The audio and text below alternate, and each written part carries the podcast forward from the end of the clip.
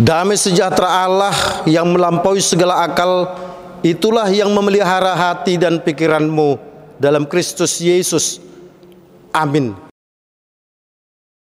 Firman Tuhan yang akan kita dengarkan sebagai dasar khutbah pada ibadah kita hari ini yang diberi nama Minggu ke-16 setelah Trinitatis diambil dari kejadian pasal 8 ayat 15 sampai dengan ayat 22.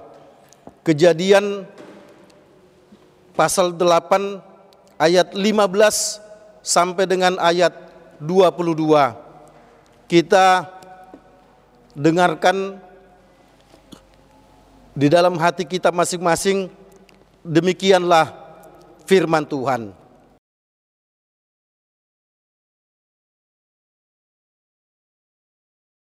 Lalu berfirmanlah Allah kepada Nuh, "Keluarlah dari bahtera itu, engkau bersama-sama dengan istrimu serta anak-anakmu dan istri anak-anakmu, segala binatang yang bersama-sama dengan engkau, segala yang hidup, burung-burung, hewan, dan segala binatang melata yang merayap di bumi, suruhlah keluar bersama-sama dengan engkau, supaya semuanya itu berkeriapan di bumi serta berkembang biak dan bertambah banyak di bumi. Lalu keluarlah Nuh bersama-sama dengan anak-anaknya dan istrinya dan istri anak-anaknya. Segala binatang liar, segala binatang melata dan segala burung semuanya yang bergerak di bumi masing-masing menurut jenisnya keluarlah juga dari bahtera itu.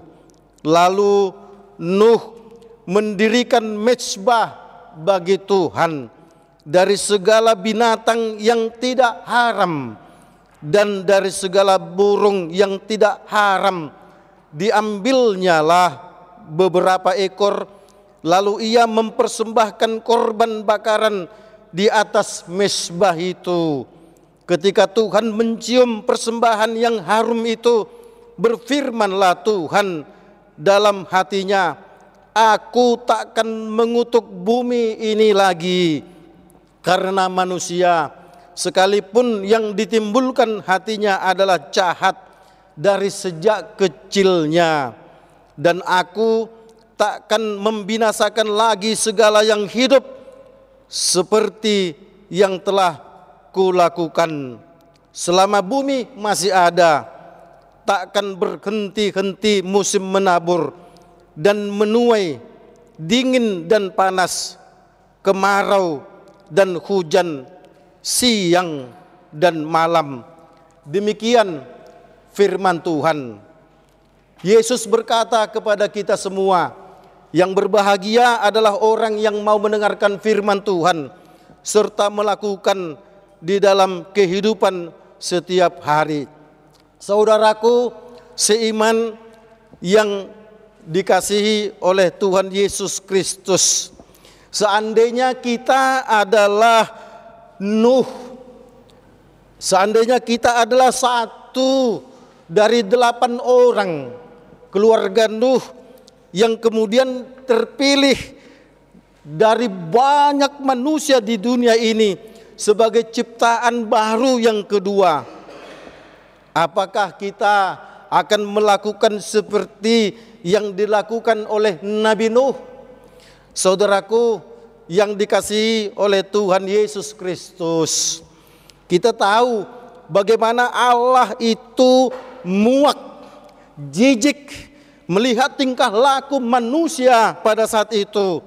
Ditegur tidak mau, diingatkan tidak mau, maka tidak ada pilihan bagi Allah untuk kemudian melenyapkan, memusnahkan semua makhluk yang ada di muka bumi ini. Hanya tujuannya supaya manusia berubah menjadi manusia-manusia yang hidup dalam tuntunan Tuhan.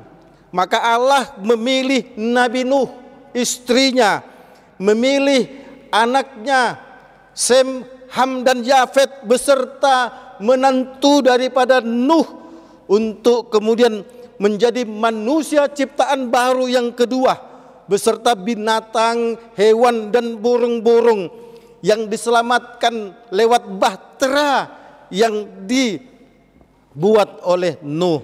Nah, saudaraku, yang dikasih oleh Tuhan Yesus Kristus. Kita tahu bahwa di depan nas ini telah terjadi musibah besar yaitu air bah air yang memenuhi seluruh permukaan bumi. Saudaraku yang dikasih oleh Tuhan Yesus Kristus kita hanya mendengar banjir bandang saja. Bisa puluhan ratusan orang meninggal. Kita hanya mendengar tsunami saja. Beberapa tahun lalu di Aceh ratusan ribu meninggal. Bagaimana pula kalau permukaan bumi ini dipenuhi dengan air, maka tak heran kalau kemudian tak satu pun makhluk hidup yang bertahan hidup semua mati kecuali hanya yang berada di bahtera Nuh pada saat itu. Nah, saudaraku yang dikasihi oleh Tuhan Yesus Kristus, setelah bahtera Nuh itu mendarat di gunung Ararat maka Allah pun berfirman keluarlah dari bahtera itu engkau bersama-sama dengan anak menantumu dan istrimu segala binatang-binatang segala burung-burung segala hewan melata yang merayap semua suruhlah keluar supaya mereka berkembang biak. Saudaraku, perintahnya adalah keluarlah, mulailah menikmati hidup yang baru. Biarlah semua berkembang biak. Saudaraku, perintahnya hanya itu. Nabi Nuh disuruh menikmati alam baru, menikmati suasana baru. Saudaraku yang dikasih oleh Tuhan Yesus, peristiwa ini sering disebut dengan penciptaan yang kedua. Penciptaan yang pertama itu adalah Adam dan Hawa. Penciptaan yang kedua itu adalah Nabi Nuh dan anak dan menantunya. Perintahnya hanya disuruh keluar saudaraku. Ya sudah nikmatilah, berkembang biaklah. Tapi saudaraku, apa yang dilakukan oleh Nabi Nuh? Justru dibalik perintah untuk menikmati hidupnya. Nabi Nuh justru melakukan apa yang tidak diperintahkan oleh Tuhan tapi yang dilakukan itu justru dipandang indah oleh Allah yaitu Nabi Nuh mendirikan bagi Tuhan dari segala binatang yang tidak haram dan dari segala burung yang tidak haram diambilnya beberapa ekor. Lalu ia mempersembahkan korban bakaran di atas mesbah. Nabi Nuh mendirikan mesbah dan kemudian dia mempersembahkan korban bakaran sebagai bentuk ucapan terima kasih. Tidak ada kata lain berbuat apa pun kecuali lebih dahulu mengucapkan terima kasih kepada Tuhan. Saudaraku yang dikasih oleh Tuhan Yesus Kristus, persembahan daripada Nabi Nuh ini kemudian diketahui oleh Allah dengan ciuman uap dari persembahan yang harum itu. Dan Tuhan pun berfirman dalam hatinya, Aku takkan mengutuk bumi ini lagi karena manusia. Nah saudaraku yang dikasihi oleh Tuhan Yesus Kristus. Tentu bagi kita diingatkan lewat topik minggu ke-16 setelah Trinitatis ini. Tuhan memulihkan kehidupan umatnya Nah saudaraku yang dikasih oleh Tuhan Yesus Kristus, pemulihan umat tidak cukup, tidak sampai hanya ketika Nabi Nuh itu selamat dan kemudian bahteranya mendarat di sebuah gunung yang bernama Ararat. Tapi pemulihan itu terjadi ketika Nabi Nuh mau mengucapkan syukur dengan mendirikan mesbah dan membuat persembahan syukur dengan korban bakaran. Saudaraku yang dikasih oleh Tuhan Yesus, kalau kita mau mengenal perbuatan Allah yang baik, kalau kita mau mengucap syukur atas perbuatan Allah itu tentu itulah yang diinginkan oleh Tuhan. Saudaraku yang dikasihi oleh Tuhan Yesus Kristus, tentu bagi Nuh yang harus dilakukan pertama sekali adalah memikirkan di mana mereka akan membangun pondoknya, di mana mereka akan berkebun, di mana mereka akan melakukan sesuatu untuk sumber kehidupannya. Tapi yang dia pikirkan adalah membangun mezbah, membangun bait Allah, membangun tempat penyembahan bagi Tuhan, memberikan persembahan syukur kepada Tuhan. Saudaraku yang dikasih oleh Tuhan Yesus Kristus. Tentu ini adalah berbanding terbalik ketika ada gereja kecil, sederhana dan terbuat dari papan yang reok-reok tapi kemudian jemaatnya banyak yang memiliki rumah-rumah mewah. Ini berbanding terbalik saudaraku dengan apa yang terjadi dalam Nuh Nuh lebih dulu memikirkan mendirikan rumah Tuhan ketimbang mendirikan rumahnya.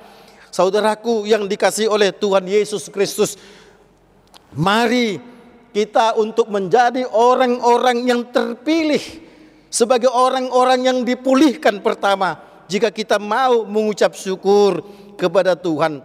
Nah, saudaraku yang dikasih oleh Tuhan Yesus Kristus, mengucap syukur kepada Tuhan atas perbuatan baiknya kepada kita adalah sesuatu yang paling indah. Jangan pernah berkata kepada anakmu, anakku sayang, kalau kau diterima nanti masuk di Universitas Indonesia, maka kamu akan papa mama bawa makan di restoran Paremon. Maka papa dan mama akan membawamu jalan-jalan ke puncak maka papa dan mama akan membawamu liburan ke Singapura. Saudaraku, itu berbanding terbalik dengan apa yang dirasakan oleh Nabi Nuh. Seharusnya engkau akan berkata, kalau kau diterima di Universitas Indonesia, kita akan lakukan yang terbaik buat gereja kita kita akan lakukan yang terbaik buat orang-orang yang membutuhkan pertolongan. Kita akan memberikan persembahan kepada para janda. Kita akan memberikan persembahan kepada kaum miskin. Kita akan memberikan sesuatu yang indah kepada yayasan-yayasan. Saudaraku, tentu itulah yang dikehendaki oleh Allah dan itulah yang menjadi harum, persembahan yang harum di hadapan Tuhan. Sehingga dengan demikian saudaraku yang dikasih oleh Tuhan Yesus Kristus. Ketika Allah mencium bau harum dari persembahan Nabi Nuh itu, Allah pun berkata dalam hatinya, Aku tidak akan mengutuk bumi ini lagi. Aku tidak akan menghukum manusia ini lagi. Setiap kita melihat pelangi di langit sana, kita teringat itu pertanda bahwa Allah tidak akan menghukum dunia ini lagi tentu dalam konteks bah saudaraku. Sehingga dengan demikian ketika kita melihat pelangi-pelangi, pelangi-pelangi di langit yang biru, ya kita lihat aneka warna, ada kuning, ada hijau, ada merah, kita nyanyikan itu dengan suara yang merdu. Ingatlah itu sebagai bukti bahwa setiap persembahan yang harum di hadapan Tuhan, Tuhan tidak akan pernah menghukum kita lagi, tapi Tuhan telah memulihkan kita menjadi orang-orang yang benar. Saudaraku yang dikasih oleh Tuhan Yesus Kristus, nats ini tentu menginginkan Allah tidak menyetujui kalau kita selalu berada dalam lingkaran setan. Tuhan tidak menginginkan kalau kita selalu berada dalam lingkaran kejahatan. Tuhan menginginkan kita keluar dari lingkaran kejahat, kejahatan. Tuhan menginginkan kita keluar dari lingkaran setan itu. Kita harus berani masuk ke bahtera dan kemudian kita akan mencapai satu tempat yang indah dan Tuhan akan mengatakan keluarlah bahwa engkau telah diselamatkan. Saudaraku yang dikasih oleh Tuhan Yesus, ketika penyakitmu tak kunjung sembuh, jangan katakan Tuhan tidak memulihkanmu. Ketika engkau tidak mendapatkan pekerjaan-pekerjaan, sementara lamaran-lamaran telah banyak engkau layangkan, secara online ataupun secara hard copy. Jangan katakan bahwa Tuhan sedang tidak memulihkanmu. Ketika engkau sampai sekarang belum mendapatkan jodoh, sementara umurmu bertambah, engkau mengatakan kau telah mapan, jangan katakan bahwa Tuhan sedang tidak memulihkanmu. Saudaraku yang dikasih oleh Tuhan Yesus Kristus, Tuhan bukan mau mengatakan memulihkanmu dari yang tidak dapat jodoh menjadi dapat jodoh. Tuhan sedang tidak mengatakan memulihkanmu dari sedang sakit untuk menjadi sembuh. Tuhan sedang tidak berkata memulihkanmu dari pengangguran untuk menjadi mendapatkan pekerjaan, tapi Tuhan mengatakan memulihkanmu ketika kita mau berubah dari orang yang jahat menjadi orang yang baik. Saudaraku yang dikasih oleh Tuhan, inilah yang paling terpenting. Tuhan akan memulihkan kita kalau kita mau selalu mengucap syukur kepada Tuhan. Oleh karenanya, apa pun yang sedang kita rasakan pada saat ini, sekalipun hatimu akan tertusuk-tusuk oleh karena sesuatu yang menurutmu tidak indah bagimu, jangan itu sampai menghambatmu untuk tidak melakukan ucapan syukur kepada Tuhan. Lihatlah Ayub dengan mulutnya berani berkata, kalau kita percaya kepada Allah, jangan hanya siap untuk menerima sesuatu yang indah menurut kita. Kalau kita percaya kepada Allah, kita juga harus siap untuk menerima sesuatu yang tidak sesuai dengan kehendak Allah. Di balik ucapannya itu saudaraku, limpahan berkat-berkat datang kepada Ayub. Ucapan daripada Ayub itu justru membuat Tuhan memulihkannya saudaraku. Mari saudaraku, kita harus mampu menyatakan syukur kepada Tuhan dalam situasi apa pun, dalam situasi enak, dalam situasi yang tidak enak, dalam situasi tersesak, dalam situasi apa pun. Mari kita harus berani menyatakan bahwa Tuhan itu adalah sumber keselamatanku. Amin. Ya Allah Bapa kami yang di surga, kami mengucap syukur Tuhan atas kasih setiamu yang kami rasakan pada kesempatan ini. Tuhan begitu baik sehingga kami boleh merasakan bahwa sesuatu yang indah, sesuatu yang sesak bukan berarti sebagai tolak ukur bahwa kami telah Tuhan pulihkan atau tidak.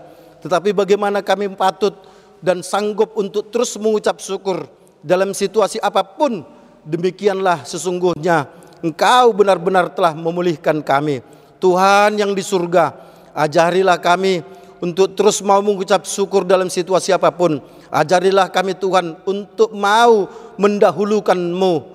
Sehingga dengan demikian, jika kami mau mendahulukanmu, kami akan disanggupkan untuk terus mau mengucap syukur kepadamu. Ya Allah Bapa kami yang di surga, kami mau berdoa untuk Yayasan Badan Kerjasama Marturia ini Engkau mau pakai kami Tuhan sebagai perpanjangan tanganmu untuk menyatakan kebenaran firman-Mu. Pakailah Tuhan kami sebagai orang-orang yang Tuhan utus ke mana pun untuk menyatakan kebenaran firman-Mu. Tuhan yang di surga, biarlah ibadah online yang dibuat oleh YBKSM ini boleh dipakai oleh banyak orang di seluruh dunia untuk membuat mereka semakin percaya akan Allah untuk membuat mereka memahami bahwa Tuhan itu harus menjadi nomor satu dalam kehidupan kami. Dalam situasi apa pun, Tuhan harus menjadi yang nomor satu. Kami berdoa Tuhan agar Engkau memberkati juga negara kesatuan Republik Indonesia yang pada saat ini sedang dalam situasi tahun politik, dalam situasi politik yang semakin memanas tapi biarlah Tuhan hati-hati kami seluruh rakyat Indonesia selalu dingin, tidak terpancing dengan situasi tokoh politik yang terus memberikan isu-isu yang bisa membuat kami berhati panas. Tapi biarlah Tuhan kami selalu mendapatkan wejangan-wejangan yang baik dari Bapak Presiden kami Joko Widodo lewat kebijakan-kebijakan yang bersumber dari hikmat Tuhan supaya apa pun Tuhan kebijakannya semua Tuhan selalu meneduhkan hati dan pikiran rakyat Indonesia. Ya Allah Bapa kami yang di surga berkati seluruh penginjil di seluruh dunia di mana pun berada agar tetap bersemangat untuk menyatakan kebenaran firman-Mu. Inilah doa kami dalam nama Yesus Kristus. Amin